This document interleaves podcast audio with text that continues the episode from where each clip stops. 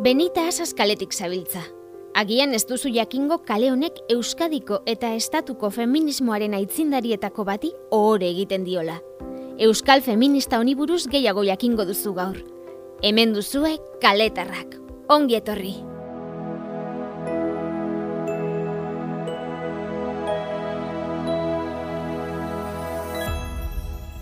Kaletarrak. Benita Asas fue una de las... Benita Asas Espainiako lehen feministetako bat izan zen eta mugimendu feministaren aitzindaria izan zen Espainian. Eta bestalde, tirada nazionaleko biegungukari feministaren zuzendaria izan zen. de tirada nacional. Maria Jose Villa Rodríguez Euskal Herriko Unibertsitateko historialari eta ikertzailea entzun dugu. Gure gonbidatuak Benita Asasi buruzko doktoretza ondoko tesia egin zuen, eta ikerketan zehar Benitak argitaratutako egunkariak ahanzturatik berreskuratu zituen. Berarekin, estatuko feminismoaren aitzindarionen bizitzaz eta lanaz hitz egingo dugu. No se puede hablar de un feminismo en, en España ni en el país. Ezin da feminismoa hitz egin Espainian eta Euskal Herrian ere hogeigarren mendearen aurretik. Espainian gainera, Eliza Katolikoaren eraginez mugimendu feminista hori askoz gehiago atzeratu zen denboran ingalaterran baino edo estatu batuetan baino. Reivindicativos y sobre todo que reivindicaba la igualdad. Emeretzigarren urtean jada talde feminista aldarrikatzaileak baikenituen, eta batez ere berdintasun juridikoa aldarrikatzen zuten, baina batez ere berdintasun politikoa.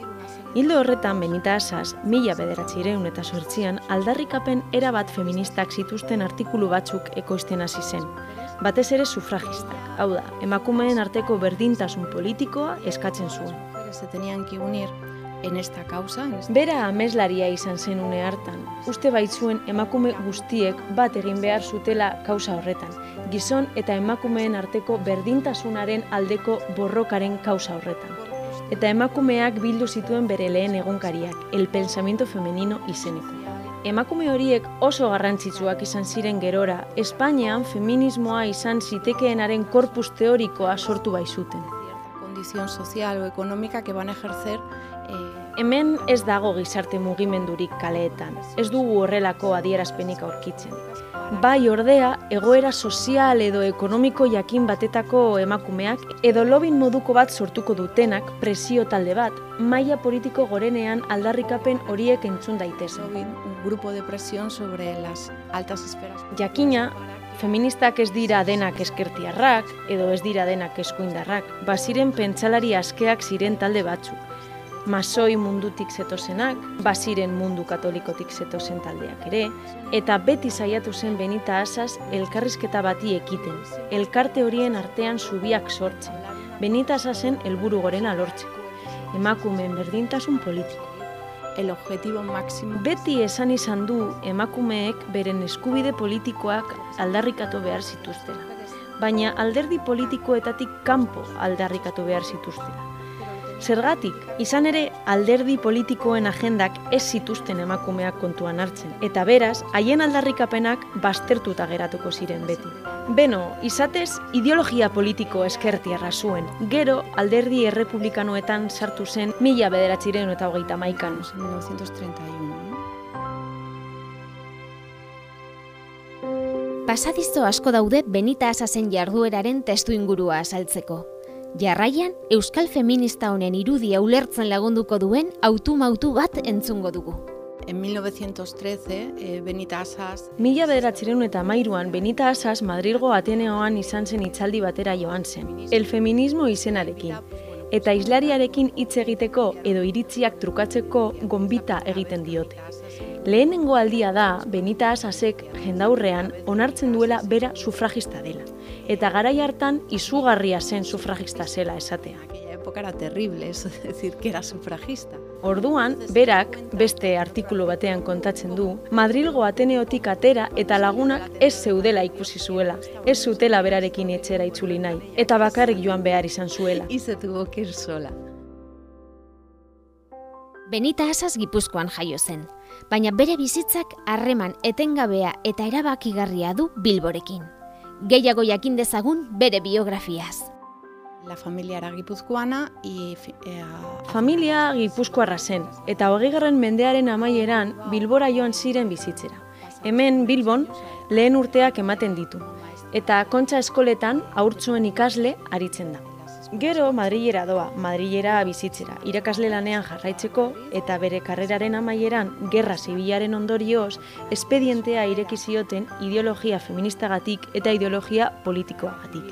Eta Bilbora itzuli zen. Bilbora itzuli zen mila bederatzireun da berrogeita batean eta hemen geratu zen mila bederatzireun da irurogeita sortzi arte orduan hil baitzen. 68, que es cuando fallece.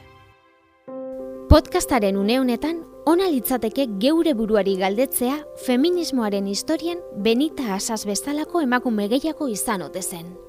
Sí, hay, hay muchas más, sobre todo Bai, esta primera askoz gehiago daude. Batez ere datu gutxi ditugun lehen belaunaldi honetakoak. Kontua da nire ikerketarekin aipatu ditudan bi egunkariak, pensamiento femenino eta mundu femenino, ez ziren existitzen hemeroteketan, ez zeuden hemeroteketan jasota. Bilduma osoa aurkitzean, Benita Asasen bizitza eta adimen ibilbidea jarraitzeaz gain, Dolores Velasco de Alaman oso garrantzitsua zena edota Julia Peglero bezalako emakumeena ere jarrai ditzakegu. Horietaz ez baitugu ia ezer ezagutzen. Orduan garrantzitsuena emakume horiek erreskatatzea da. Lehen feminismo hori, guztiaren eta denaren aurka benetan topo egin zutenak eta gutxi gora bera une kulturalerako eta bizi zen une politikorako egokia zen diskurtso baten barruan, azkenean helburua lortu zuten. Emakumeek mila bederatzireun eta hogeita maikan botoa eman ahal izatea bizitza politikoan gutxi gora bera integratzea. Zoritzarrez, hogeita maseian, gerra zibilarekin hori guztia amaitu zen. Desgraciadamente en el 36 con la guerra civil todo eso terminó. Onaino kaletarrak atalaren podcast hau. Ziur berriro ere emakume izena duen beste kale batean aurkituko dugula elkar. Badakizu podcast hau nahi adina eta nahi duzun tokitik entzun arte.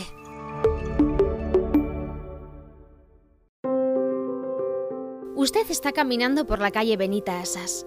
Quizá no sepa que esta calle hace honor a una de las pioneras del feminismo en Euskadi y también en el Estado. Hoy descubrirá más sobre esta feminista vasca. Bienvenidos y bienvenidas a Caleta Rack.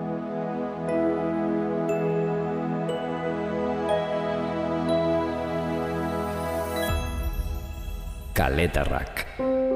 Benita Asas fue una de las eh, primeras feministas en España y fue la precursora del movimiento feminista en España. Y por otra parte fue directora de dos periódicos feministas de tirada nacional. Hemos escuchado a María José Villa Rodríguez, historiadora e investigadora de la Universidad del País Vasco. Nuestra invitada hizo su tesis postdoctoral sobre Benita Asas y durante la investigación recuperó del olvido los periódicos editados por Benita. Con ella hablaremos de la vida y obra de esta pionera del feminismo en el Estado. No se puede hablar de un feminismo en, España ni en el País Vasco anterior al siglo XX. En España, además, por la influencia de la Iglesia Católica, este movimiento feminista se retrasó muchísimo más en el tiempo que, en Inglaterra o en Estados Unidos, que ya en el XIX ya teníamos grupos feministas reivindicativos y sobre todo que reivindicaban la igualdad jurídica, pero sobre todo la igualdad política. En ese punto destacamos que Benita Asas eh, en 1908 comienza ya a, a producir una serie de artículos con reivindicaciones netamente feministas, sobre todo sufragistas, es decir, pe- pedía la igualdad política entre las mujeres que ella eh, fue una visionaria en ese momento porque entendía que todas las mujeres se tenían que unir en esta causa, en esta causa de la lucha por la igualdad entre hombres y mujeres, que aglutinó a mujeres en su primer periódico, en el pensamiento femenino, mujeres que posteriormente fueron muy importantes, pero que crearon un corpus teórico de lo que podría ser el feminismo en España. Aquí no hay un movimiento social eh, en las calles, no, podemos, no encontramos manifestaciones de ese tipo. Lo que sí que vamos a encontrar son mujeres de cierta condición social o económica que van a ejercer eh, o que van a crear una especie de lobbying, un grupo de presión sobre las altas esferas políticas para que esas reivindicaciones fueran oídas. Por supuesto, las feministas no son todas eh, de izquierdas o no son todas de derechas. Había ciertos grupos que eran librepensadores, que venían de, del mundo masónico. Había también eh, grupos que venían del mundo católico y siempre Benita Asas intentó entablar una conversación o por lo menos crear puentes entre esas asociaciones para conseguir el objetivo máximo que siempre fue el de Benita Asas, la igualdad política de las mujeres. Lo que siempre dijo fue que las mujeres tenían que reivindicar sus derechos políticos pero lo tenían que reivindicar fuera de los partidos políticos. ¿Por qué? Porque la agenda de los partidos políticos no tenían en cuenta a las mujeres y por lo tanto sus reivindicaciones siempre iban a, quedar relegadas. Bueno, ella tenía una ideología política de izquierdas, realmente luego se incorporó a los partidos republicanos en 1931. Hay muchas anécdotas que sirven para explicar el contexto en el que se desarrolló la actividad de Benita Asas. A continuación escucharemos un chascarrillo que ayudará a entender la figura de esta feminista vasca. En 1913, eh, Benita Asas eh, asiste a una conferencia en el, Ateneo madrileño que se titulaba El feminismo y se la invita pues, bueno, pues para hablar con, o intercambiar opiniones con el conferenciante. Es la primera vez que Benita Asas en público eh, admite que ella es sufragista, ¿no? Y en aquella época era terrible eso de decir que era sufragista. Entonces ella cuenta en otro artículo cómo cuando salió del Ateneo de Madrid vio que no estaban sus amigas, no querían volver con ella a casa y se tuvo que ir sola. Benita Asas nace en Guipúzcoa, pero su vida tiene una relación constante y determinante con Bilbao. Sepamos más de su biografía. La familia era guipuzcoana y eh, a finales del siglo XX se trasladan a Bilbao. Aquí en Bilbao eh, pasa los primeros años, ejerce como maestra de, parvulitos en, las escuelas Concha. Luego se marcha a Madrid, se traslada a Madrid para, seguir trabajando como maestra y eh, al final de su carrera, por la guerra civil, es depurada eh, por su ideología feminista y también su ideología política y vuelve a Bilbao.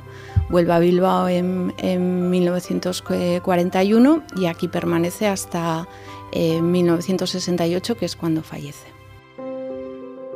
A estas alturas del podcast sería bueno preguntarnos si en la historia del feminismo hubo más figuras como la de Benita Asas. Sí, hay, hay muchas más, sobre todo de esta primera generación que tenemos muy poquitos datos lo bueno es que con mi investigación eh, los dos periódicos que, he mencionado, Pensamiento Femenino y Mundo Femenino, no existían en las hemerotecas, no estaban recogidos en las hemerotecas. Al encontrar la colección completa, no solamente podemos seguir la trayectoria vital e intelectual de Benita Asa, sino también de mujeres como Dolores Velasco de Alamán, que fue importantísima, Julia Pleguero, de las cuales no conocemos apenas nada.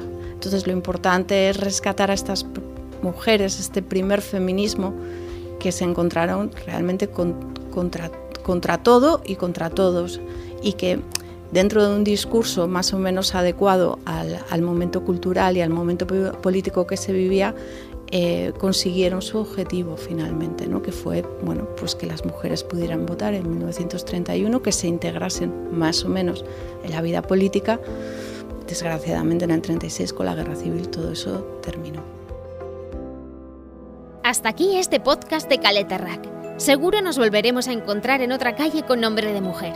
Ya sabe que puede escuchar este podcast cuantas veces quiera y desde donde quiera. Hasta la próxima.